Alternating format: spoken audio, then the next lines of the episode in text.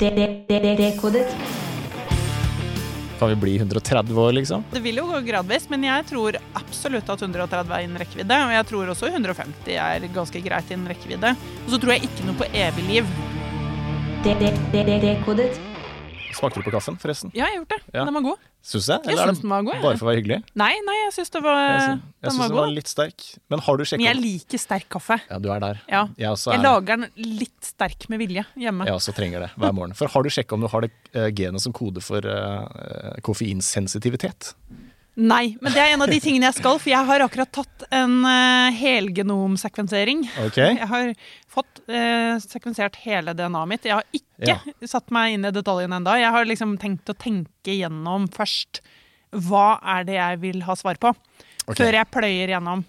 Men Så det, koffein, det, det er forholdsvis urisikabelt. Det skal jeg sikkert sjekke. men er det sånn at du da sender en gentest til eh, utlandet, og så får du svaret i posten? Eller, eh, Jeg får det på nett, da. Du får det ikke i nett. posten. Men uh, altså, jeg sender jo i posten, og så kommer det tilbake i digital form. Velkommen til 1970. Men uh, ja, så spennende. Ja. Men personvern og sånn, har du tenkt noe rundt det? Ja, ikke det, en, har jeg. ja. Jeg valgte et gentestselskap som har en litt annen businessmodell enn de vanligste. Fordi når man eh, sender av gårde sitt DNA, Ja. så gir man jo også fra seg den informasjonen potensielt videre til tredjeparter. Hvis man ikke leser alt med liten skrift, så er det vanskelig å holde kontroll på det. Men eh, denne leverandøren, uten at jeg skal nevne navn, for jeg skal ikke drive reklame, men eh, denne leverandøren har en annen businessmodell hvor jeg um, det, Man sitter på eierskapet selv Ja. til rådataene, og så kan jeg bestemme hva det skal brukes til. Og de har tenkt å integrere det med blokkjein. Oh, ja. ja. Så det syns jeg er litt kult, da. Spennende. Mm. Men hva er det du vil uh, finne ut? Hva er det du drømmer om å få klarhet i her? Altså Det jeg skal gjøre, er i hvert fall sjekke sånn slektsting. Ja. Eh, det synes jeg det er litt sånn kuriøst, da. Ja, ja. Eh, det, det skal jeg gjøre. Og så er det noen sånne helsespørsmål som kan være nyttig. ja. Tør du å sjekke alt? Nei, jeg tør ikke å sjekke alt. Nei. Ja, og så er det noen ting jeg er usikker på om jeg skal sjekke. Ja. Eksempel Alzheimer-risiko. På den ene siden så kan du, du kan få kjempegode nyheter. Kanskje Det fins sånne genvarianter som beskytter deg, som Mm. gjør at du har lavere risiko enn andre. Det hadde jo vært helt fantastisk, men det kan også hende at jeg har en av de dårlige. Og Ja. hva det betyr, eh, om det er noe jeg vil vite, det, ikke, det har jeg ikke bestemt meg for helt ennå. På den ene side, så I dag så kan man ikke gjøre noen verdens ting. Hvis du, har, hvis du får Alzheimer, så det finnes ingen behandlinger for det nå. Og da er det kanskje greit å bare ikke vite, Kanskje. vil mange mene. Men eh, både så er det en del forskning som sier at du kan potensielt eh, redusere den risikoen gjennom kosthold. Okay, ja. F.eks. lav kolesterol. Det kan være gunstig. For Ja. å, du blir jo ikke frisk, eller du, ikke, du unngår ikke sykdommen, men du kan gjøre det mildere. Og i tillegg så er det jo, hvis det kommer en Alzheimer-behandling i framtida, og den skal testes ut ja. Så har du allerede Så- svaret. Hvis jeg vet at jeg er i risikosonen, så kan jeg stille meg først i køen til å være med på det. Smart tenkt. Men i mellomtiden så skal man jo leve med den bekymringen, da. Så det det er derfor jeg ikke er helt bestemt. Ja. Det kommer jo litt an på din personlighet, da, om du er en som eh, takler å leve i den usikkerheten eller ikke. Jeg tror ikke jeg hadde orka det. Men, eh, men er det et gen som garanterer at du får Alzheimer, eller er det bare, øker det bare sannsynligheten for Alzheimer? Du øker sannsynligheten. Det er ikke enten-eller med, med Alzheimer, men det er én genvariant som gir ganske høy risiko. Ja. Ja, Så det er ikke noe fasitsvar, men, eh, men mange som har den genvarianten, får Alzheimer, og de får det tidligere enn andre. Nettopp. Mm. Shit. Uh, hvis jeg skulle tatt en sånn gentest, hvordan går jeg fram da? Er det bare å google og finne noe shady business på nett? Det er det Ja, man ikke skal gjøre, i hvert fall. Ja, du finner ganske mye på nett, da. Eh, Og hva det er du skal velge der, kan jo være en jungel eh, for de som ikke vet hva de skal lete etter. Og det er mange tilbydere. Så, eh, men det er ikke noe vanskelig å finne en som, som gir deg tilbud om en sånn test. De aller fleste så gir de deg eh, en litt sånn begrensa versjon, hvor du sender jo inn hele DNA-et ditt, men du får bare sånn biter og informasjon tilbake. Så de ser bare på enkelte ting, enkelte gener. Ja. Og så gir de deg den informasjonen. Og så Ja. er det de som er opp til sånn, det som heter helgenomsekvensering, hvor de, hvor de eh, gir deg tilbake hele DNA-sekvensen din. Ja. Og da kan du finne ut ganske mye. Eh, men hvis du velger å Hvis du sier at jeg vil ikke vite alt, men jeg vil vite dette og dette. Men de som har gjort den testen på deg, de sitter med fasiten, så de kjenner hele deg. Ja, og jeg har også hele. Jeg har Ja. rådataene. Ok, så du kan Jeg kan kjøre det gjennom eh, diverse analyseprogrammer hvis jeg vil. Det må jo friste, da. Ja, Det frister jo litt, men jeg skal tenke meg godt om. Det er en ting jeg har bestemt meg for, for Mm. Ja. det er ikke alltid jeg vil vite. Eh, men en del kan være nyttig, og en del kan være litt interessant og morsomt. Så, og det som egentlig trigget meg Jeg har tenkt på det i mange år. Det ene var at det var en sånn tilbyder som hadde en litt annen businessmodell som føltes tryggere. Mm. Og det som skjedde i våres med den AstraZeneca-vaksinen Ja. mot korona. Da var det jo en liten gruppe som plutselig fikk veldig alvorlige bivirkninger. Mm. Og det, den typen bivirkninger, disse blodpropp-bivirkningene, det ligner veldig på noe annet som har en klar genetisk eh, risikofaktor ved seg. Så da tenkte jeg åh, jeg skulle gjerne visst om Ja. jeg har den, for da kan man kanskje til en viss grad si om man er i risikogruppa for noe sånt, da. Bivirkninger. Interessant. Ja. Og da, hvis du hadde visst at du har det genet som ikke koder for det, så kunne du tatt den vaksinen. Da hadde jeg i hvert fall følt meg litt grann tryggere på det, da. Nettopp. Ja. Fikk du AstraZeneca? Nei, det gjorde jeg ikke. Det var vel egentlig bare noen i helsetjenesten som fikk før de Ja. trakk den tilbake. Ikke sant. Så jeg har fått Pfizer. Du har fått Pfizer. Mm. Moderne på meg. Eh, Du har skrevet en bok som heter eh, 'Fremtidsmenneske'. Hva den bioteknologiske revolusjonen betyr for deg. Vi hoppa jo rett inn i det, men mm. det er den eh, boka her samtalen eh, skal baseres på. Eh, Boka er skrevet med Halvard eh, Kvale. Mm. Veldig bra bok. Det var, liksom, det var litt, sånn random, men jeg hørte en podkast med deg, jeg husker ikke hva den het, Innspopodden eller sånt. Ja. Uh, han, han programlederen der han startet med å si at han bare satt i sofaen med kona si og så deg på, på NRK. Og så så de på hverandre og bare jøss, hun der var flink til å forklare ting, liksom. Og så ja, hun må vi ha med i podkasten. Akkurat det samme skjedde med meg. Jeg så deg på NRK på Debatten eller et eller annet sånt. Så googla deg. Bare jøss, hun var flink til å prate, liksom. Og så så jeg at du hadde skrevet den her. Og det er liksom midt i purra det jeg er interessert i om dagen. Å, da- så bra. Ja, det er kjempespennende, da.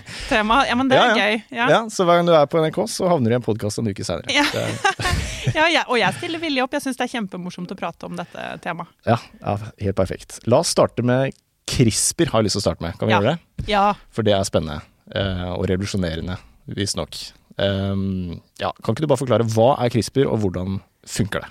Ja, eh, hvor skal man begynne, holdt jeg på å si? Altså, jeg tror jeg vil begynne på overskriftsnivå, egentlig. Mm. Fordi CRISPR er um I løpet av noen få år siden det ble utvikla som en teknologi i 2012, så har det da klatret opp ikke bare til å få eh, en nobelpris allerede, som den fikk i fjor, men også da blir omtalt som eh, en av eh, tidenes største teknologiske oppfinnelser noensinne. Det er på det nivået.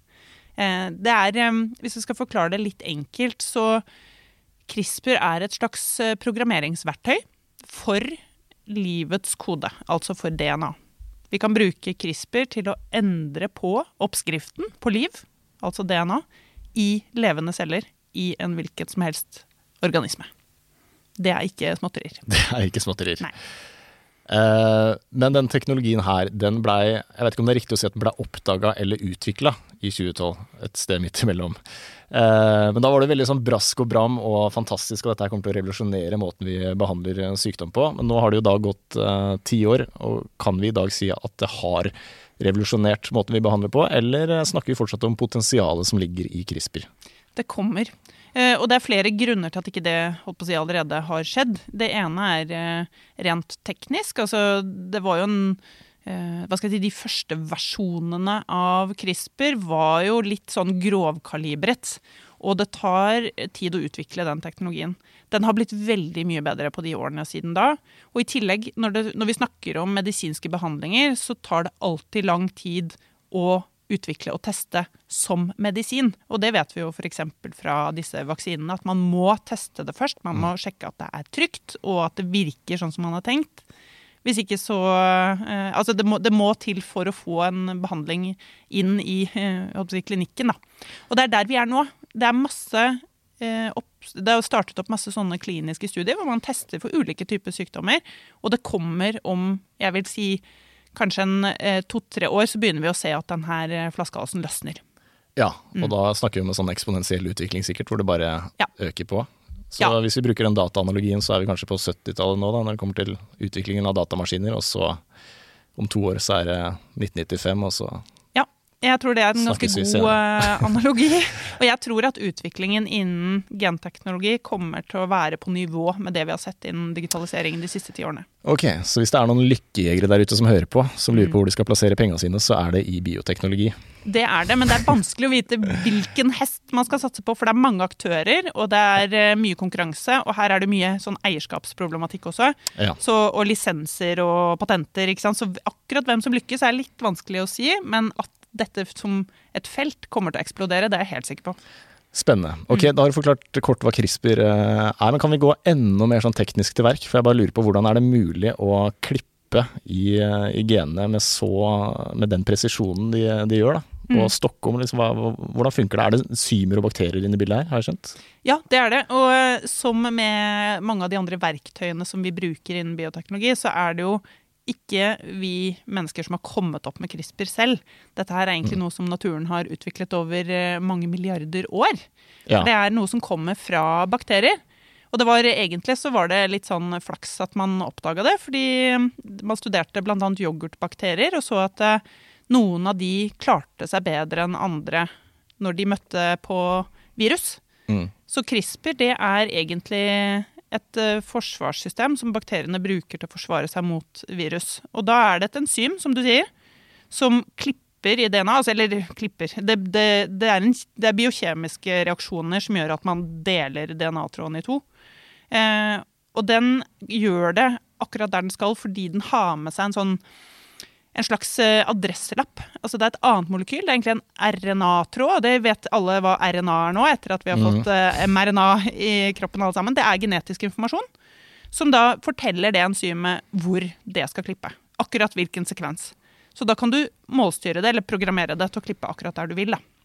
Ja, men når du sier man kan programmere det til å klippe der man vil, hvordan, hvordan skjer det teknisk, liksom? For det fascinerer meg så fælt. At Mm. eh, er det, det er jo Når jeg ser det på YouTube, så er det jo reagensrør, og det er petriskåler, og det er eh, apparater og nedkjøling og oppvarming og um. Ja, Det er jo sånn det foregår i praksis. Man gjør det jo på en lab, og man Ja. har uh, molekylene i et reagensrør. Ja. Hvor du da har, blander sammen dette enzymet, uh, som gjør selve klippejobben, og dette RNA-molekylet, som er den informasjonen om hvor det skal klippe. Og så må du tilsette det da til cellene dine, eller hva det hva er du skal eh, endre på. da. Om det er en plante, eller om det er eh, menneskecelle, eller hva det er for noe. Så må du tilsette det der. For det er det som er unikt med CRISPR-teknologien. Det funker på alle typer celler. Altså plantecelle, menneskecelle, dyrecelle.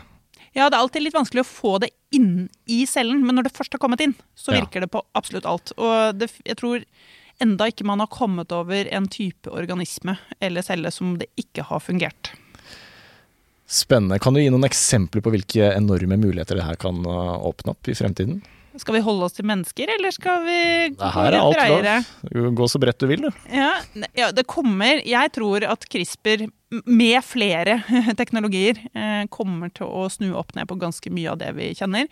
Og noe av det handler om eh, hvordan vi f.eks. produserer materialer. Man kan bruke små mikroorganismer, bakterier og gjær og annet, som er veldig lett å endre genene på. Så kan man programmere de til å bli bitte små fabrikker som kan lage da f.eks. biodrivstoff, eller kan lage ulike former for materialer som vi trenger, på en mer bærekraftig måte.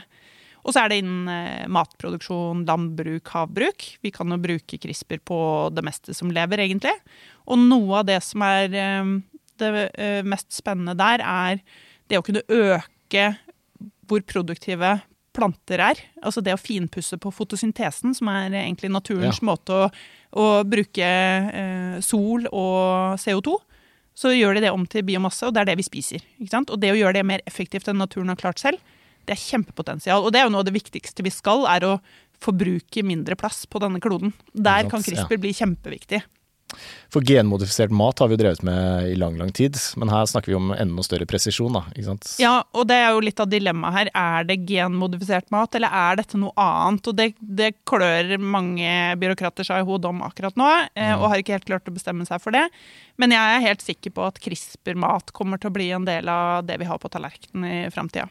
Og hvis vi snakker om eh, mennesker, da, så snakker vi om å kurere sykdommer som kreft og alzheimer. I hvert fall, eh, det er jo store krigstyper i avisene.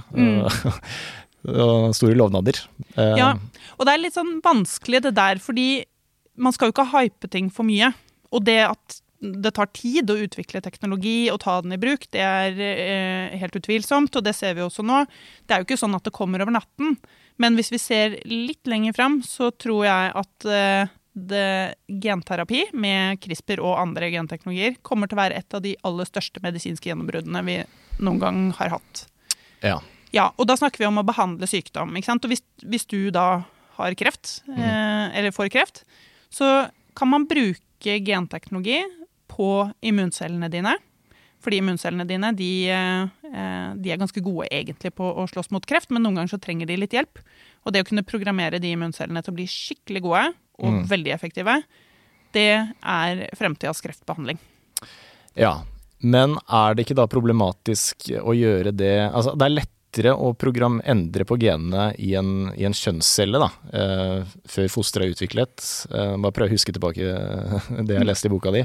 Men eh, menneskekroppen består jo av millioner av celler, så det å endre DNA i én enkelt celle, det, det gjør ikke så mye nytte. Eh, Nei. Og nå snakker vi ikke egentlig om kreft, nå snakker vi om eksempel sånne genetiske sykdommer. Så hvis du har, er blitt født med en feil Mm. i et gen som gjør at du er syk, så kan genterapi være eh, til god hjelp. Og det ser vi nå, at en del pasienter blir vesentlig bedre. Men de blir jo ikke helt friske. Nei. Fordi nettopp som du sier, det er så mange celler i kroppen som er påvirket av den genfeilen. Og den, du får ikke rettet opp alt. Og noen ganger så har sykdommen kommet så langt at den er i praksis liksom irreversibel. Da, at du får ikke eh, ugjort den skaden som har skjedd. Men da er jo spørsmålet, ikke sant, hvis du da vet at du har en sånn genfeil som går i arv i slekta di, når du selv skal ha barn, ville du da brukt CRISPR til å reparere den genfeilen mens det var nettopp bare én celle, f.eks. en kjønnscelle?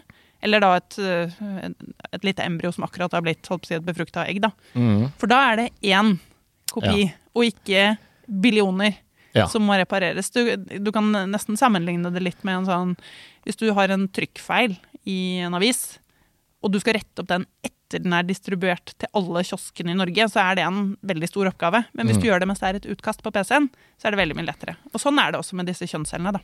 Og da begynner det å bli veldig interessant, for idet man endrer eh, genomet i en kjønnscelle, så endrer du også evolusjonen, eller da har vi plutselig tatt kontroll over egen evolusjon, da. Ja, fordi den eh, endringen som du da gjør, det går jo i din neste generasjons kjønnsceller også. Ikke Ja. sant? Så det går i arv til etterkommerne som kommer bak.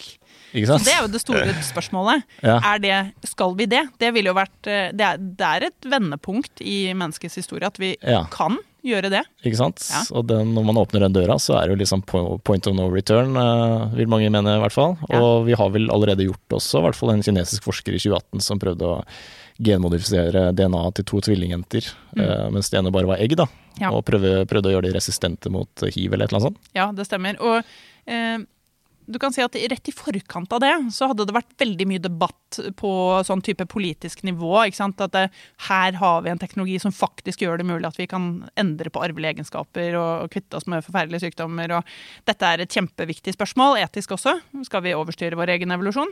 Og så sa de, de Det var flere som landet på at ja, kanskje vi skal det en gang i framtiden, men ikke, det er ingen grunn til panikk, fordi dette er lenge til. Det er Ja. helt hypotetisk akkurat nå. Og så gikk det noen måneder, og da høsten 2018 så sprakk nyheten om at det var jo selvfølgelig en forsker fra Kina som hadde tatt saken i egne hender og annonserte på YouTube at Ja. uh, han hadde gjort nettopp det. Han hadde da tatt uh, disse tvillingjentene og endret på genene deres mens de var befrukta egg. Ja, han hadde litt hybris og gleda seg til en liten statuett på peishylla. Den kom aldri. Nei, han havna i fengsel. Så det gikk rett tvert motsatt av det han hadde sett for seg. Men uh, du kan si at um, han hadde nok Altså det var veldig mye som var problematisk med akkurat det der. For det første så var det Disse jentene hadde ikke noe arvelig sykdom eller noe sånt. Og de, altså, de ville ikke hatt noe høyere risiko for å få hiv-smitte enn andre. Mm. Så nytteverdien var jo litt begrensa. Og så var det uklart om foreldrene skjønte hva det var de var med på i det hele tatt. Det var Ja. eh, dårlig informasjon, og det var veldig mye hemmelighold rundt dette. Det var veldig få som visste at dette foregikk i det hele tatt. Så, så det var jo sånn kollektiv motreaksjon da, da Mm. han annonserte dette her. At eh, eh, altså det var veldig få som støttet akkurat dette eksperimentet. Ja. Men det som er interessant, er at tross alt, selv om dette her da hadde skjedd, så eh, ble man egentlig enige om eh, eller, altså, ikke alle er enige, men, men mange har sagt at selv om dette her ikke skulle skjedd, så har dette her en, en bruk i framtida. Vi må Mm. mestre teknologien. Den må bli trygg og god, for det var jo også et problem. Han hadde slurva litt og gjort noe feil i genene til de jentene. Eh, den må bli god, og så må samfunnet være enige om at vi ønsker å gjøre det. Og det er der vi står nå. Ikke sant? Ja. I de diskusjonene. Skal vi gjøre dette i mer utstrakt eh, omfang, da? Skal vi bruke CRISPR til å forebygge sykdom, Ja, og jeg tenker, der tenker jeg nesten sånn eh, Forresten, bare ta mikrofonen litt lenger unna. Jeg driver og styrer med å få like nivåer, skjønner du. Ja. Der tror jeg vi er. Sånn? Ja. Ja. Jo, jeg tenker at eh, hvis CRISPR eh, løser et reelt problem, så er det jo nesten uunngåelig at eh, altså det, på et eller annet tidspunkt så blir det en del av behandlingen. For jeg kan ikke komme på noen teknologier opp gjennom historien som har løst et reelt problem som vi ikke har tatt i bruk. Eller jo, faktisk kjernekraft. Ja. Eh, som er en åpenbar løs, del av løsningen på klimakrisen. Mm. Men det var pga. Tsjernobyl og så masse sånn antikjernekraftpropaganda. Mm. Ironisk nok fra miljøbevegelsen sjøl. Ja. Men nå er jo klimakrisen såpass presserende at eh, det plutselig har kommet opp på dagsordenen igjen, og Mm. sannsynligvis blir en del av, eh, av fremtidens måte å utvinne energi på. Mm. Og akkurat det samme tenker jeg på en CRISPR. At om 30 år, hvis, det, hvis vi kan eh, kurere Alzheimer og kreft, eh, så går det jo fra å være uetisk å eksperimentere med en ukjent behandling nå, til å bli uetisk og ikke gjøre det om 30 år. Da. Jeg er helt enig. Jeg tror vi er der om 30 år. Og før det òg. Ja. Jeg tror at, eh, Kanskje ikke i Norge, men i en del andre deler av verden så tror jeg at dette her vil bli en, et tilbud til de som har arvelige sykdommer. da. Ja. Og så er spørsmålet, Det alle er redd for, er jo den her designerbabyen. da, ikke sant? Som ikke, Det har ingenting med sykdom å gjøre, men at man begynner å designe egenskaper og sånn. Og det, mhm, Du kan si at jeg syns den er en distraksjon i Mm. debatten. Fordi det er sykdom som er det viktige spørsmålet her, om Mm. vi skal bruke det. Og så er det ikke Det kan godt hende at noen vil være fristet til å bruke CRISPR til andre ting også, men jeg syns ikke vi skal la det eh, utelukke bruk som faktisk kan hjelpe folk til bedre liv, da.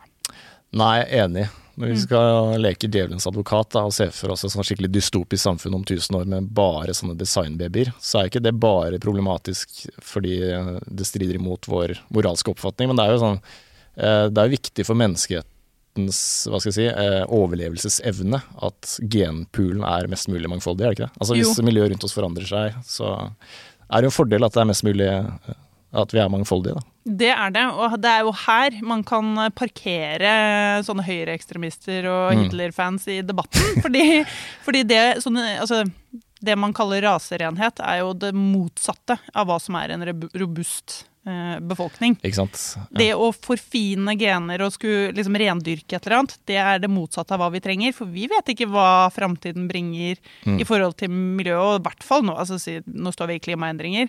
Det vil bli mer krevende. Og det å ha flest mulig sånne genetiske kort å spille på Mm. i det lotteriet, vil bli helt avgjørende for vår egen overlevelse. Ja, Så sånn optimalt sett så skulle vi blanda oss mest mulig. Det er det vi skulle. Alle i hele verden. Ja. Men folk har jo heldigvis forskjellige preferanser, da. så hvis det der designbaby-issue skulle blitt en realitet, så er det ikke sånn at alle babyene hadde hatt brune øyne og krøllete hår. Man vil jo designe sikkert ulike typer, da. Men, Ja, men jeg, jeg har ingen tro på at vi Nei. vil tørre å ta i bruk CRISPR til den typen formål. Det er, eh, det er jo en pervers, ekkel tanke. Ja, og mye av det design, altså intelligens eksempel, er jo ikke mulig å designe. Det er Nei. styrt av så mange gener og miljø at det er helt, eh, helt Det er bare fantasi. Så, ja. så den, den vaskeekte designerbabyen, den kommer aldri. Nei, godt å høre. Mm. Da har vi parkert den. Ja. Arv og miljø nevnte du. Eh, Da er vi inne på epigenetikken, ikke sant. Hvordan Mm. miljøet påvirker genene våre. Det er også litt interessant. Kan du bare si litt kort om hva epigenetikk er?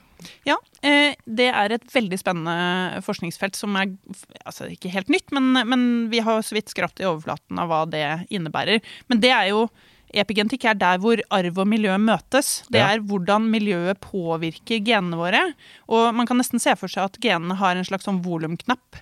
Hvor eh, det, det kan uttrykkes på, i forskjellige nivåer. Det kan være helt avslått. Ja. Eller det kan være helt på, eller det kan være et sted imellom. Og miljøet påvirker innstillingen på den volumknappen. Så hvis du da går på kino og spiser en pose med smågodt, så trenger du ganske mye insulin Mm. for å få ned blodsukkeret. Så da skrus volumknappen på de genene opp, Mm. eh, så du da lager mer insulin. Det er samspillet mellom gener og miljø. Det er et godt bilde på det. Altså, Epigenetikken må jo være det som endelig kan liksom forsone de der argeste arv- og miljødebattantene. da. Jeg håper det. Eh, for Det det, er har jo vært en litt sånn merkelig debatt, syns Ja. jeg. At det er enten-eller. Ja, det er jo ikke det. Nei, Det er er alltid en blanding. Ja, ja, Dette er jo definisjonen på hvordan det henger sammen og spiller på lag. da. Ja. Men eh, ok, for å være litt dagsaktuell, da, koronaviruset. eh, både viruset og, og vaksinen, kan vi tenke oss at det endrer på genetikken vår? Eh, endrer Ja. på epigenetikken vår? Ja, både genetikken og epigenetikken. Kanskje ikke så mye genetikken. Men det som er interessant, er at virus har hatt er helt avgjørende for vår eksistens, faktisk. Vi, altså i ditt eh, DNA så er rundt 8% av det er virusgener som du har med deg, som du har arvet fra dine forfedre, fordi at disse virusene har satt inn genene sine sånn opp igjennom. Og uten de virusgenene så ville aldri et menneskefoster kunne utviklet seg i det hele tatt. Vi trenger de virusgenene for å få til en del av den, de mekanismene som skjer der. Og det er jo veldig fascinerende. Men epigenetisk så vil eh, også koronaviruset ha veldig mye å si. Alle miljøfaktorer, om det er Ja. smitte eller hva det nå enn er, det påvirker eh, genene og hvordan genene uttrykkes. Spennende. fordi det vel, Vi kjenner vel ikke til noe luftveisvirus som bare har forsvunnet. Så det er vel rimelig å anta at koronaviruset skal vi leve med resten av livet. Og da er det også videre rimelig å anta at i løpet av en tiårsperiode så vil jo samtlige av jordas befolkning ha vært i kontakt med viruset. Sannsynligvis. da. Mm. Og Hvis det endrer gene- epigenetikken til all, hele jordas befolkning, så vil det jo endre evolusjonen. Satt litt på spissen, da. Eh, ja, men altså epigenetikk eh, Det er ulike nivåer av disse endringene. Altså Noen epigenetiske endringer de går i arv. Fordi at de, okay, ja. den, holdt på å si, den innstillingen på volumknappen Ja. er permanent. da. Mens andre ganger så er det bare en midlertidig justering, og så forsvinner de igjen. Så noen epigenetiske endringer vil gå i arv til etterkommerne dine, mens andre vil ikke det. De vil bare forsvinne. Og det, hvis det skjer etter du har fått barn, så har det jo ingenting å si. Nei. Så nei. Så evolusjonen er alltid tett kobla opp til evnen til å få barn. Det er der, Hvis det påvirker evnen din til å få barn, Ja. så har det betydning eh, evolusjonsmessig. Messig, nettopp, ja. Fordi jeg tror du brukte det som eksempel i boka. Han derre astronauten som het Scott, som var, hadde en tvillingbror, Mm. eh, som holdt seg ned på jorda, og så dro Scott opp på den International Space Station, eller hva det heter. Og da han kom tilbake da, så var tusen, altså, tusenvis av gener som var helt forandra. Mm. Men eh, en del av de genene gikk tilbake til normalen, eller et eller sånt? var det ikke det? Jo, Ja. eh, han var jo et år da, oppi der, og de sammenlignet med da tvillingen som var eh, igjen på Mm. jorda, og så så de at disse noen tusen genene eh, til Scott hadde en litt annen da innstilling på denne volumknappen. Eh, fordi altså, en romferd er jo en ganske ekstrem miljøpåkjenning, så det Ja. vil jo nødvendigvis ha påvirkning på hvordan kroppen oppfører seg. Eh, men de så at de aller fleste av de genene gikk tilbake igjen til grunninnstillingen ca. et halvt år etter at han hadde kommet tilbake. Men det var rundt 7% av genene som fortsatte å være i sånn romferdmodus da, eh, etterpå. Men, men hva det betyr, det vet vi jo ikke. Eh, at noe skjer, betyr jo ikke at det er store konsekvenser eh, nødvendigvis. Og det er også et eksempel nå i koronadebatten. F.eks. for eksempel så ser man at eh, vaksinene som vi har fått, de kan påvirke menstruasjonssyklusen. Det er Mm. ganske ferske resultater. Eh, Men det betyr ikke at det er farlig. Det, at det påvirker menstruasjonssyklusen. For de aller fleste så går det tilbake igjen til normalen etter én eller to sykluser. Og det skjer minst like ofte hvis du har hatt koronaviruset, ikke vaksinen. Fordi det, det at du får Mm. noe som påvirker immunforsvaret, det er det som har noe å si. Eh, ikke, eh, ikke vaksinen i seg selv. Nei. Så det er veldig viktige nyanser. ikke sant? Og det at epigenetikken kan endre seg fordi det skjer endringer i miljøet, betyr ikke at det nødvendigvis har negative konsekvenser. Nei, ikke sant. Og Så har du denne hjerteposebetennelsen som er en bivirkning ved Moderna-vaksinen. Som Dette er ikke sikkert stemmer i det hele tatt, men det er vel høyere risiko for å få det av vaksinen enn av viruset. Eh, Jeg har sett motsatt. Du har sett motsatt? Ja, jeg vet det- ikke hva jeg snakker om. Det er høyere risiko for å få det av Ok, ja. selve viruset enn av vaksinen. Og det Nettopp. handler jo nettopp om uh, at immunforsvaret blir aktivert, ikke sant. Uh, Ja. ja. Men det at miljøet påvirker genene våre, det er jo hvilken, hvilke, Hvorfor er det så viktig? Eh, jeg skal omformulere spørsmålet. Hva, hva kan vi bruke det til, den kunnskapen om hvordan miljøet påvirker genene våre i fremtiden? Da? Eh, hvilke muligheter kan det åpne? Når vi skjønner de sammenhengene fullt ut. Ja, det, det det kan eh, særlig ha stor betydning for, er jo hvordan vi kan bruke livsstilen vår til å påvirke våre forutsetninger. F.eks. For helsemessig, da. Å vite hvordan eh, det at du kan fordi det er, jo ikke så, det er jo ikke så lett å endre på genene, men det å endre på miljøfaktorer det er jo veldig mye enklere. Så hvis vi vet at eh, hvis du spiser sånn og sånn mat, eller eh, den og den typen eh, trening kanskje gjør noe med, med innstillingene på genene gjennom epigenetikken, så kan det brukes aktivt til å gi deg si, eh, bedre forutsetninger da, for Ja. å leve et friskt og langt liv. Som f.eks. at det å trene styrke eller kondisjon, og når man får melkesyre, så påvirker det hjernecellene, tror jeg du skrev i Ja. boka. Eh, handler det om epigenetikk, eller er vi over på noe annet her nå? Eh, Det er en kombinasjon. Det er både Ja. epigenetikk og, og andre biokjemiske reaksjoner som skjer. Men eh, når du trener og lager melkesyre, så strømmer det opp i hjernen, og så gjør det at eh, du får økt blodårevekst i hjernen. Ja. Så sannsynligvis så vil det kunne da holde hjernen din friskere lenger. Og særlig når man begynner å bli gammel, så kan det være gunstig da, for eh, å holde hjernen eh, frisk. Ja? For det er jo veldig mye sånn kunnskap der ute som vi, bare, som vi alltid har hørt om og som vi har lært, at trening er bra. Mm. Men nå begynner man å skjønne sammenhengene kanskje litt eh, ja, fullt ut. da. Mm. Jeg hadde jo hun Anne Spurkland i podkasten her. og Hun, snak, da snakker vi også om treningseffekt på immunforsvaret. At man nå begynner å skjønne hvordan de ting, tingene henger sammen. da. Og hvorfor det er så bra å trene, som vi egentlig alltid har visst. Men nå kommer liksom de biologiske faktaene også. Ja, det er kjempespennende. Og det samme med søvn, f.eks. Man vet jo at det også er eh, bra. Nå ser vi i stadig større detalj hvorfor det er bra. For nå ser vi at eh, det er ganske mye som skjer om natta når du ligger og sover. Det er stort eh, apparat i sving for å rydde ut av avfallsstoffer som har hopet seg opp i løpet av dagen når du har Mm. brukt hjernen din. Og hvis ikke du får nok søvn, så skjer ikke den prosessen ordentlig. Og da hoper det seg opp med sånne Mm. søppel og avfallsstoffer i hjernen som kan ha en negativ påvirkning. da. Ja, det er et attraktivt gen, syns jeg. Det er genet, de som har det genet som gjør at de kan sove fire timer hver natt og være Åh, det hadde vært så deilig! Jeg, det tror jeg hadde betalt mange millioner kroner for. Altså, helt seriøst, jeg tror jeg hadde solgt leiligheten og ja.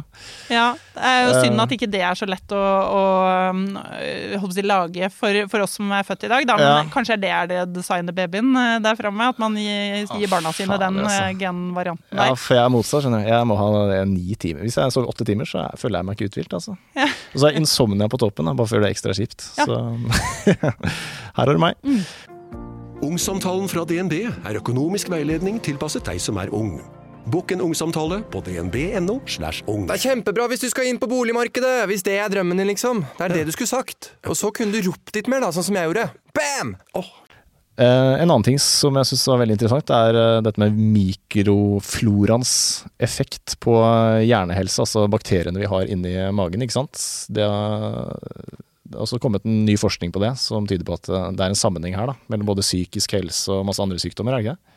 Jo, eh, mikrofloraen vår, Mm. altså alle mikroorganismene som lever inni og utapå kroppen, har utrolig mye å si for vår helse. Alt fra tarmhelse, som kanskje er åpenbart, eh, til hjernehelse. Og det er jo fordi at det, det, det på en måte snakker sammen. Det, det lages masse signalstoffer fra disse bakteriene som snakker med resten av kroppen. Og eh, det Hvis du har en for lite variert tarmflora, så ser man at det både kan skape en del eh, type kronisk betennelse, som i Ja. seg selv kan være ganske dårlig for, eh, for mange aspekter ved helsen. Eh, og det kan eh, eh, påvirke altså helsen på ganske mange måter. Mm. Eh, at du får mindre av stoffer du faktisk trenger for å holde deg frisk. Ja, og da har forskerne kommet opp eh, Eller dette har de visst lenge, men det, du skriver om noe som heter fekaltransplantasjon. Som rett og slett handler om å putte andres bæsj inn i din egen tarm. Ja, Og det, jeg kan oppdatere med ny forskning da, på det siden den boka her eh, ble skrevet, for nå har de testa det også enda litt, eh, litt mer. Um, altså man, har, man har først liksom testa det på de liksom, lavthengende fruktene, altså sånn tarmsykdom. Hvis du har en tarmsykdom, og så Mm. bytter ut avføringen med, med en frisk eh, avføring, så, så har det ganske åpenbar eh, gunstig effekt. Men også da nå på hjernehelse. For eksempel autisme, så Yes. har man testet da på, på barn eh, som har autisme, byttet ut tarmfloraen med en frisk tarmflora, og sett at de fikk mye mindre symptomer. Og på livslengde. Det man har testet da nå i høst, var eh, De tok eh, mus, gamle mus, og så byttet de ut avføringen med da avføring fra en ung mus. Mm. Og så at de ble veldig mye friskere og fikk Yes. bedre hukommelse. Var bedre til å navigere sånne labyrinter og sånn. Ja. Så, så tarmen er en av nøklene til et eh, langt og friskt liv, altså. Shit. Men hva er sammenhengen her? Hvorfor, eh, altså det å ha riktig bakteriesammensetning i magen, hvordan påvirker det den psykiske helsa vår, liksom? Ja, det er jo tosidig. Det ene er at de lager stoffer som vi trenger. Eh, i, noen forskere hadde sett på sånne veldig gamle japanere, og så at de hadde en type bakteriesammensetning som gjorde at de annet lagde veldig mye sånn gallesyre og sånne Mm. ting som kan være viktig. Men jeg tror det viktigste er dette nettopp med betennelse, og det å holde tarmen og det som skjer der, frisk, da. Mm. For den eh, Både når man er syk og når man blir gammel, så blir det mer og mer sånn betennelsesskapende. Og det i seg selv kan være en sånn driver for eh, uhelse. At man blir ja. både sykere og eldre raskere. Da. Så det å holde betennelse lavt, i tillegg til alle disse gunstige stoffene som du trenger med å ha en variert tarmflora, det er kjempeviktig. Det er viktig. Mm. Og det kaller de for fekal-transplantasjon. Eh, pent navn for eh, bæsj i tarm. Ja. Og dette har de visst om lenge i Kina. Da serverte de noe som het gul suppe. Som, eh, jeg vet ikke Ja. om du har oppskriften på det, men det er ikke noe du anbefaler? Nei, gjør ikke det. Det ble jo ikke kjempepopulært heller. da, Gul suppe. Du, Asj, altså, det, da blandet de ut avføring med vann, og så ga de det til eh, de som hadde løst mage, da, Og dette egentlig. drakk de. De drakk oralt. det. Eh, og det var vel kanskje noe av forklaringen til at ikke det har liksom, er en del av det vi driver Ja. med i dag. At ikke det har stått seg over tid. Men det, når man gjør fekaltransplantasjon i dag, så gjør man det gjennom et rør inn i tarmen, så man slipper å drikke det. da. Men selv det er jo en litt sånn ekkel tanke, syns jeg. Andres bæsj. Men sjekker du det for sykdommer og sånne ting? Ja? Du vet, Ja. vet du hva du får i deg, liksom? Det er veldig viktig. Hvis man skal gjøre sånn som det her, så må man gjøre det ordentlig. Man må gjøre det gjennom noen som vet hva de driver med. Det er jo vært tilfeller av noen som har kjøpt seg sånn Håper si eh, Gjør det selv-kit. Med med liksom bæsj fra noen andre. Mm. Eh, og som har blitt syke av det. Fordi ja, det kan jo være Det kan jo følge med bakterier som er sykdomsfremkallende. Mm. Og det vil du helst ikke, da. Så Nei. ikke gjør dette hjemme på kjøkkenbenken. Av flere grunner. Av flere grunner. Men eh, ja, det kan fort bli en eh, del av fremtidens eh, behandling, da. Ja, jeg tror det. Ja, jeg tror dette. Og det er jo en mental ting, ikke sant? Ja, det er mental sfære der. over. Ja, Så, men jeg tror dette er noe av fremtidens medisin. spennende. Mm. Uh, en måte å forlenge livet på, en annen måte, eller mange måter å forlenge livet på, uh, tydeligvis, det er å bytte ut blodet ditt også, med ungt blod. Ja. Eh, det også er jo noe som eh, hva skal jeg si, foreløpig er eh, Det er jo ikke et tilbud til de fleste, men ryktene sier at det er en del sånne rike Ja, sånne- gamlinger i USA som går Ja. og sparer på ungt blod da, for å gi det til seg selv. Eh, og det er basert på reell kunnskap og forskning. Man har sett, altså Som man fant ut i utgangspunktet, var at man tok to mus, en gammel og en ung mus, og så sydde man det sammen. Sånn at de delte blodomløp. Og så så de da at den eh, gamle musa ble veldig mye bedre. Den fikk ny vekst av nerveceller og, og holdt seg eh, rett og Mm. slett bare yngre og bedre. Mens den unge musa den ble fortere gammel og syk. Så, Ja. så det er et eller annet i ungt blod da, som er eh, Ja, Man vet ikke helt hva det er, men Nei, men har jo begynt å identifisere noen ting. Men eh, det er fortsatt en stor jobb der. Men jeg tror at det kan danne grunnlaget for en del eh, nye medisiner i framtida. At man ikke trenger Ja. å faktisk ta blod, men Nei. at man kan eh, bruke kunnskapen om hva det er i blodet, til å lage det syntetisk. Da. er det noen som tilbyr den behandlingen i dag? Ungt blod? Ikke- Eller er det sånn svartemarked, sikkert? Ja, et svartmarked er det. Ja. Eh, og det er noen som utgir seg for å være på en måte en sånn klinisk studie. Det, men Ja. det er, det er ganske shady i dag, det som Ja. finnes der. Eh, men eh, ja, det er mye rart på svartemarkedet. Jeg vil jo som et generelt tips anbefale å ikke gjøre det, fordi det er mange som ikke vet hva de driver med, og man kan fort ende opp med, ja, en risiko som, man kanskje ikke, som ikke er verdt det. da. Absolutt. Ok, Men uh, dette med aldring er jo veldig spennende, for hva, uh, hva er egentlig aldring? Er det, er det definert? Vi vet jo hva det er, altså det er forfall. Men, uh, men er det noe som kan vi pinpointe hva aldring er? Ja, Du snakker om telomerer, ikke sant, på, på genene? Eller Ja, telomerase? Det er e- ett aspekt ved aldring. Altså Aldring er kombinasjonen av de endringene som skjer over tid. Ja. Når det blir skader på cellene våre. Og det at man får Altså disse telomerene, det er eh, egentlig en slags biologisk klokke. Det er sånne tupper som sitter utapå liksom, DNA-kromosomene våre, som beskytter resten av DNA-et. Og hver gang cellen deler seg, så blir den bitte litt kortere. Så den teller på en måte ned, da. Og når den blir kritisk kort, så sier den ifra til cellen at nå må du slutte å dele deg, fordi hvis ikke så begynner du å gå inn på det, liksom det ordentlige DNA-et. Og det vil vi ikke, for da blir det jo fort kreft eller et eller annet. da. Så stopper de å dele seg. Og det, når det skjer, så har man på en måte nådd grensen for eh, muligheten for kroppen til å fornye seg. For du trenger hele tiden at cellene deler seg for å erstatte skadede celler og vev som forfaller. Okay. Så da er det, da er det slutt. Så når, når- cellene ikke kan dele seg mer. Ja, og da blir cellen til en zombiecelle? Er det det som skjer? Nei, ikke alle celler, men, men ofte så er altså zombieceller det er celler som holder på å bli kreftceller. Mm. Som da eh, får beskjed om å ta livet sitt, eh, holdt jeg på å si, og ta selvmord.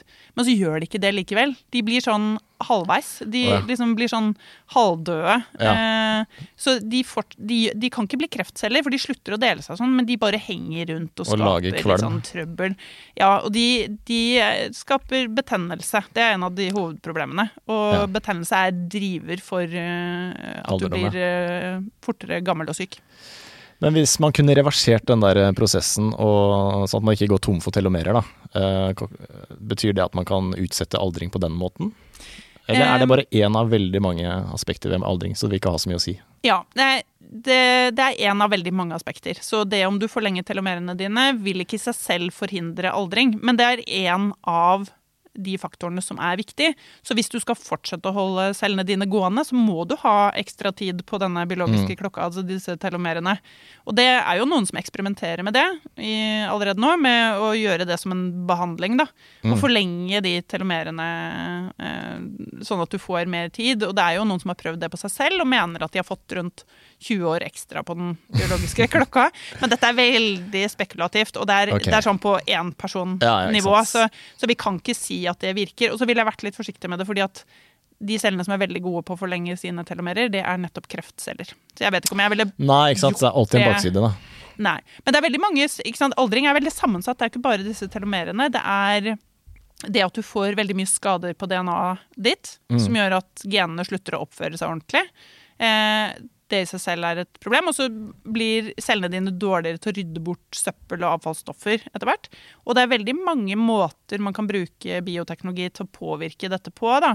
Nye Ja. medisiner, eh, andre, altså genterapi, andre ting som gjør at du kan potensielt da forlenge eh, muligheten til å leve friskt og lenge. Og så har du litt sånn eksotiske ting som organprinting og sånn. Eh, Ja, Hvor langt har vi kommet der, da? mm, man kan eh, printe eller dyrke fram noe sånn ganske primitive organer. Altså sånn Ja. type sånn primitiv nyrestruktur kan man få til. Men du har ikke, man har ikke kommet til nivå at man kan ha et fullvoksent organ enda. Nei. Men det er et spørsmål om tid. Jo, men du må jo ha blodsirkulasjon. Hvordan eh, Ja, det er, det, det er en av de tingene som gjør det utfordrende. At Ja. du må ha eh, blodårer i vevet ditt. Og så har du mange forskjellige celletyper. Mm. Men det blir mer og mer avansert, så disse printerne de har jo nå muligheten til å printe veldig mange forskjellige celletyper samtidig, da, og i 3D. Ikke sant? Så du, det er jo egentlig samme teknologi som du bruker til å 3D-printe andre ting, eh, men du kan gjøre det med celler isteden. Så jeg Mm. Ja. tror at innen et tiår så er vi der at man i hvert fall kanskje ikke liksom et fullt organ, men i hvert fall deler av det. Ja, hvis du får hjerteinfarkt, da, Ja. og deler av hjertet ditt er dødt, så kan du printe ut hjertevev og erstatte det. Og det kan da gjøres? Da kan du eh, definere formen ut ifra hvilket område på hjertet ditt som trenger å erstattes. Så kan du Ja. printe ut i den formen og transplantere det inn. Dette er good news, da. Ja, det er det. Det er kjempespennende. Um, en annen ting som kan utsette Bare litt tilbake til aldring, for jeg ble ikke helt ferdig med det. Men uh, dette med lavt stoffskifte. Uh, det å spise lite, uh, skriver de i boka, at det Mm. kan senke stoffskiftet og følgelig også utsette aldring på en eller annen måte. Og det eh, Altså, stoffskifte, det er det Det er alt som skjer i kroppen. Det er alle de biokjemiske prosessene som skjer hele tiden. Altså forbruket av kroppen. Og det er det som gjør at vi lever, da. Eh, og det er det i seg selv som fører til aldring. For det at du bruker kroppen, fører til slitasje på den. Det er litt som en bil. ikke sant? At hvis du bruker den, så sliter du på den. Eh, så hvis du da bremser ned stoffskiftet, så bremser du også ned aldringsprosessen. Og bremse stoffskiftet, det kan man gjøre gjennom eh, kostholdet. Og det er, det er, en litt sånn eh, interessant historie bak her. Fordi det eh, Når man har testet det på forsøksdyr, omtrent alle forsøksdyr man har prøvd å redusere da kaloriinntaket til rundt sånn 30% under det som man vanligvis ville spist, Mm. Så får man samme effekt. Man setter da stoffskiftet i lavgir. En slags eh, sånn eh, kriseberedskap. Mm. Kroppen oppfatter at det er lite næring, så da bremser den ned forbruket, altså stoffskiftet, og går over til sånn type reparasjon og vedlikehold isteden. Mm. Så da både bremser du ned aldringen, og du øker reparasjonen. Og da Ja. forlenger du levetiden. Det skjer i alle forsøksdyr man har prøvd det. Interessant. Mm. Men eh, det å være undervektig er vel heller ikke bra, eh, med tanke på å leve lenge. Så Nei, absolutt. Og er, det er veldig viktig å understreke at det å øh, kontrollere matinntaket på den måten, eh, det kan ha store negative konsekvenser. Så det er ikke anbefalt å drive med det. Og man skal Nei, være ganske forsiktig med Ja. sånt. Men biologien i det er det det er. Men det man må legge til, da, hvis du eh, begynner med det for seint Man ser jo annet i forsøksdyr at hvis du starter med sånn kalorirestriksjon når du er allerede begynt å bli gammel, da er det så skjer det det motsatte. Oh, ja, da da blir det- speeder du opp aldringen. Ja, okay. Du, på en måte, det, det som skal Ja. til, da, de biologiske systemene er ikke gode nok til å håndtere det. Så du setter det i, i høygir isteden.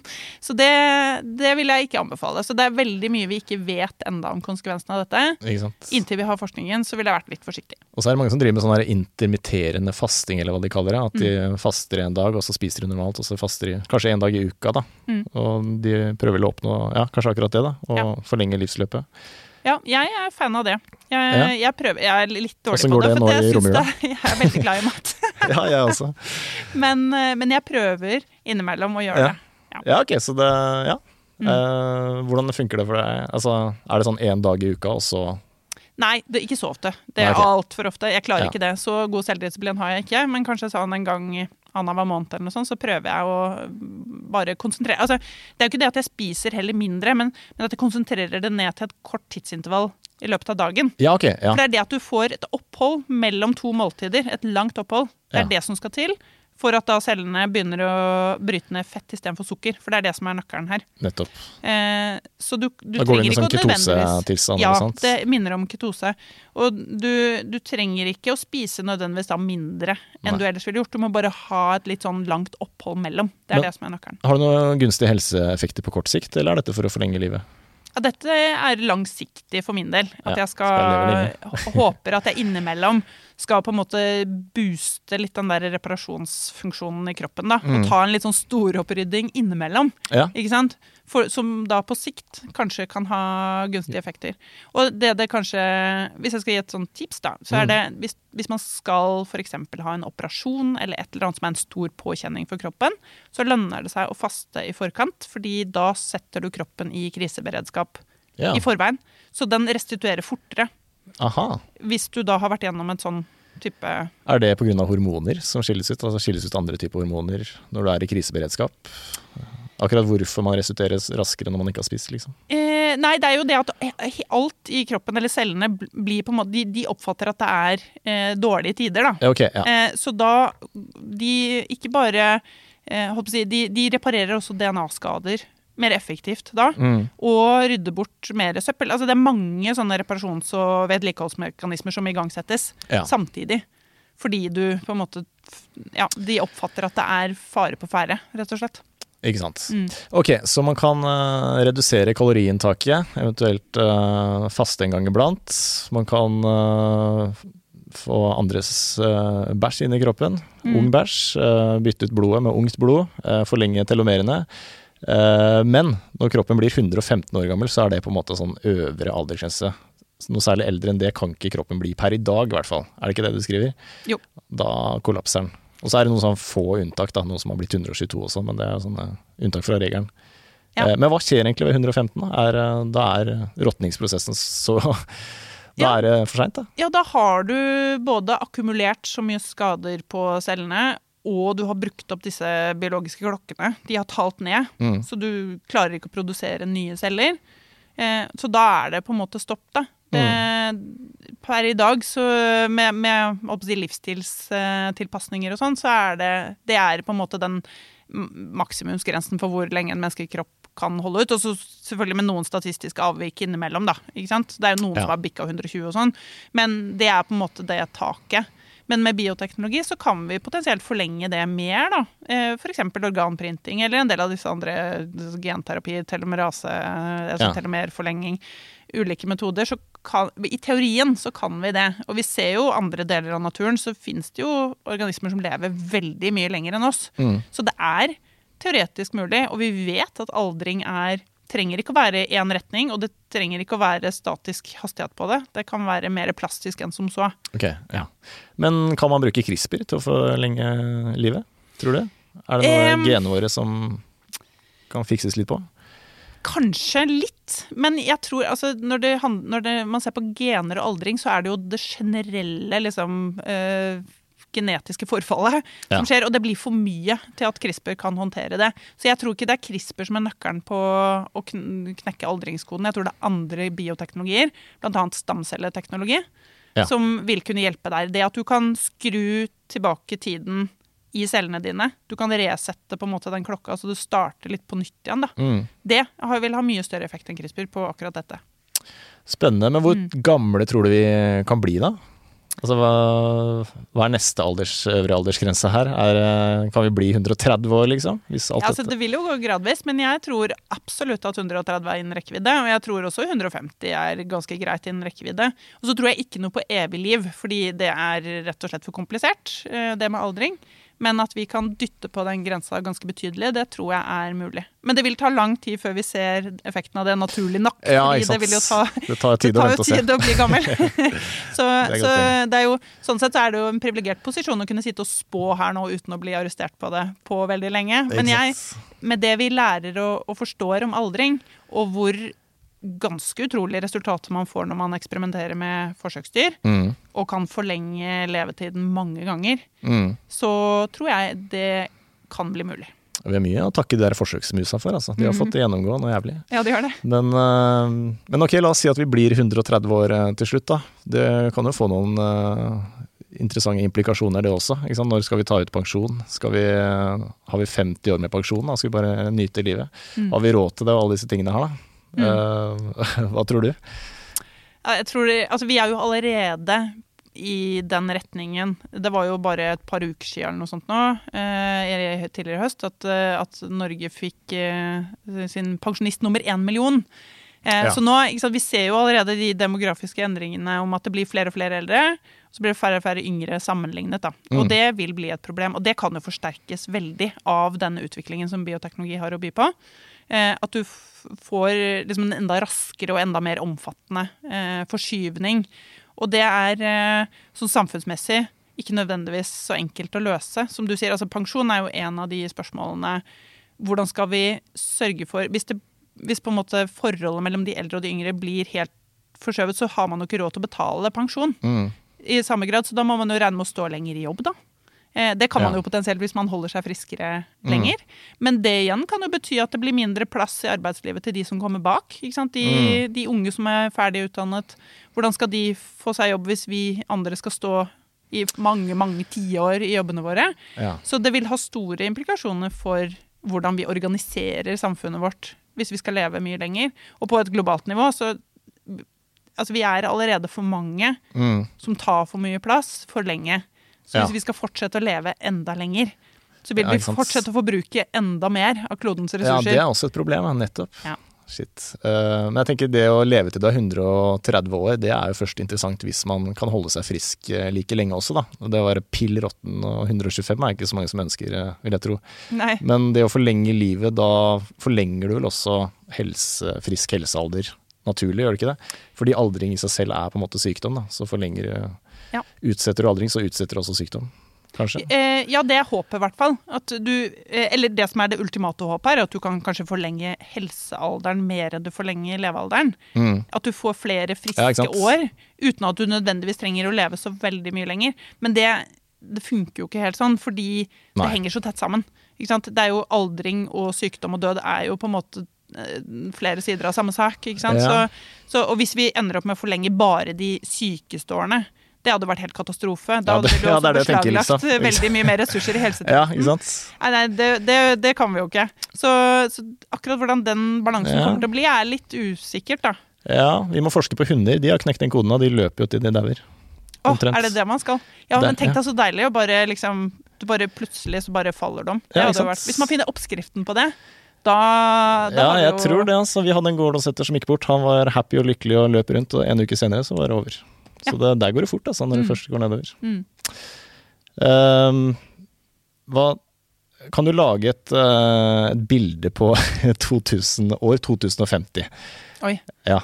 Uh, trenger ikke være helt presis, men bare sånne refleksjoner og tanker om hvordan, eh, hvordan ser verden ut i 2050. Da tenker jeg spesielt på bioteknologi og utviklingen der. Da. Ja. Jeg tror at eh, verden vil nok se ganske annerledes ut. Altså, de aller fleste vil f.eks. ha fått eh, gjort en sånn gensekvensering. Mm. Fordi det vil være en helt naturlig del av livet, og det å vite om hvilke risikoer man har og, og sånn. Eh, og det vil være så tilgjengelig. Mm. Eh, jeg tror at eh, det å lage barn vil kunne være ganske annerledes. Altså ikke for de aller fleste. Forhåpentligvis vil de fleste fortsette å lage barn på gamlemåten. Men for de som trenger hjelp, så vil det være mange flere muligheter. Eksempel så tror jeg at man vil kunne få biologisk egne barn med en likekjønnet partner. Mm. Eh, fordi man kan bruke stamcelleteknologi til å lage kjønnsceller. Ja, så to menn kan få baby sammen. Da tar du en hudcelle fra en mann, programmerer den om til en stamcelle, og så omprogrammerer igjen til en eggcelle. Ja. Som du putter inn i en pose på et laboratorium, eller en, eller en surrogatmor kanskje, da. Ja, en av de. Ja, det tror jeg vil være fullt mulig i 2050. Jeg tror det vil komme før det også. Eh, det, man har allerede fått til ganske mye i forsøksdyr, så Mm. er det et lite stykke igjen på mennesker, men, men jeg tror vi er på god vei. Så det vil jo være Og du kan si at altså, det med assistert befruktning i seg selv, altså det å lage sånne test tube babies, som man kalte det, det var kjempekontroversielt da det kom sånn på slutten av 70-tallet. Ja. I dag er det helt dagligdags. Ja, ikke sant? Og For sånn- perspektivene endrer seg hele tida. ja, og sånn det samme vil skje med en del av de nye teknologiene. Ikke sant? Mm. Det at man kan lage barn på nye måter, vil være Det er kjempekontroversielt nå, og, men det vil bli, etter hvert som det vil bli en del av måten vi eh, organiserer samfunnet på, så vil det også føles mer normalt. Og det tror jeg vil skje også med CRISPR og det å endre på Mm. arvelige egenskaper. Jeg tror i 2050 så er jeg helt sikker på at det gjøres mange steder i verden for å forebygge sykdom. Ja. Ja. Men gleder du deg til 2050, eller? eh, Det høres ikke ut som det er noe dystopi for deg, det her. Det høres ut som du eh, smiler mens du snakker om det. Ja, jeg, jeg er egentlig ganske optimistisk for at vi kan få til veldig mye bra med bioteknologi. Men så er det jo alltid en bakside av den medaljen. Og nå er ikke jeg så veldig redd for den designerbabyen, det har jeg snakka om før. Mm. Men det, jeg ser jo at det er andre bru- bruksområder for bioteknologi som kan være ganske problematiske. Og en Ja. av de tingene jeg er genuint litt bekymra for, er bioterror. Ja. Eh, Det å, ikke på mennesker, men å snekre på mikroorganismer, altså virus og bakterier, Mm. og bruke det som, eh, som våpen, det er en reell bekymring jeg har.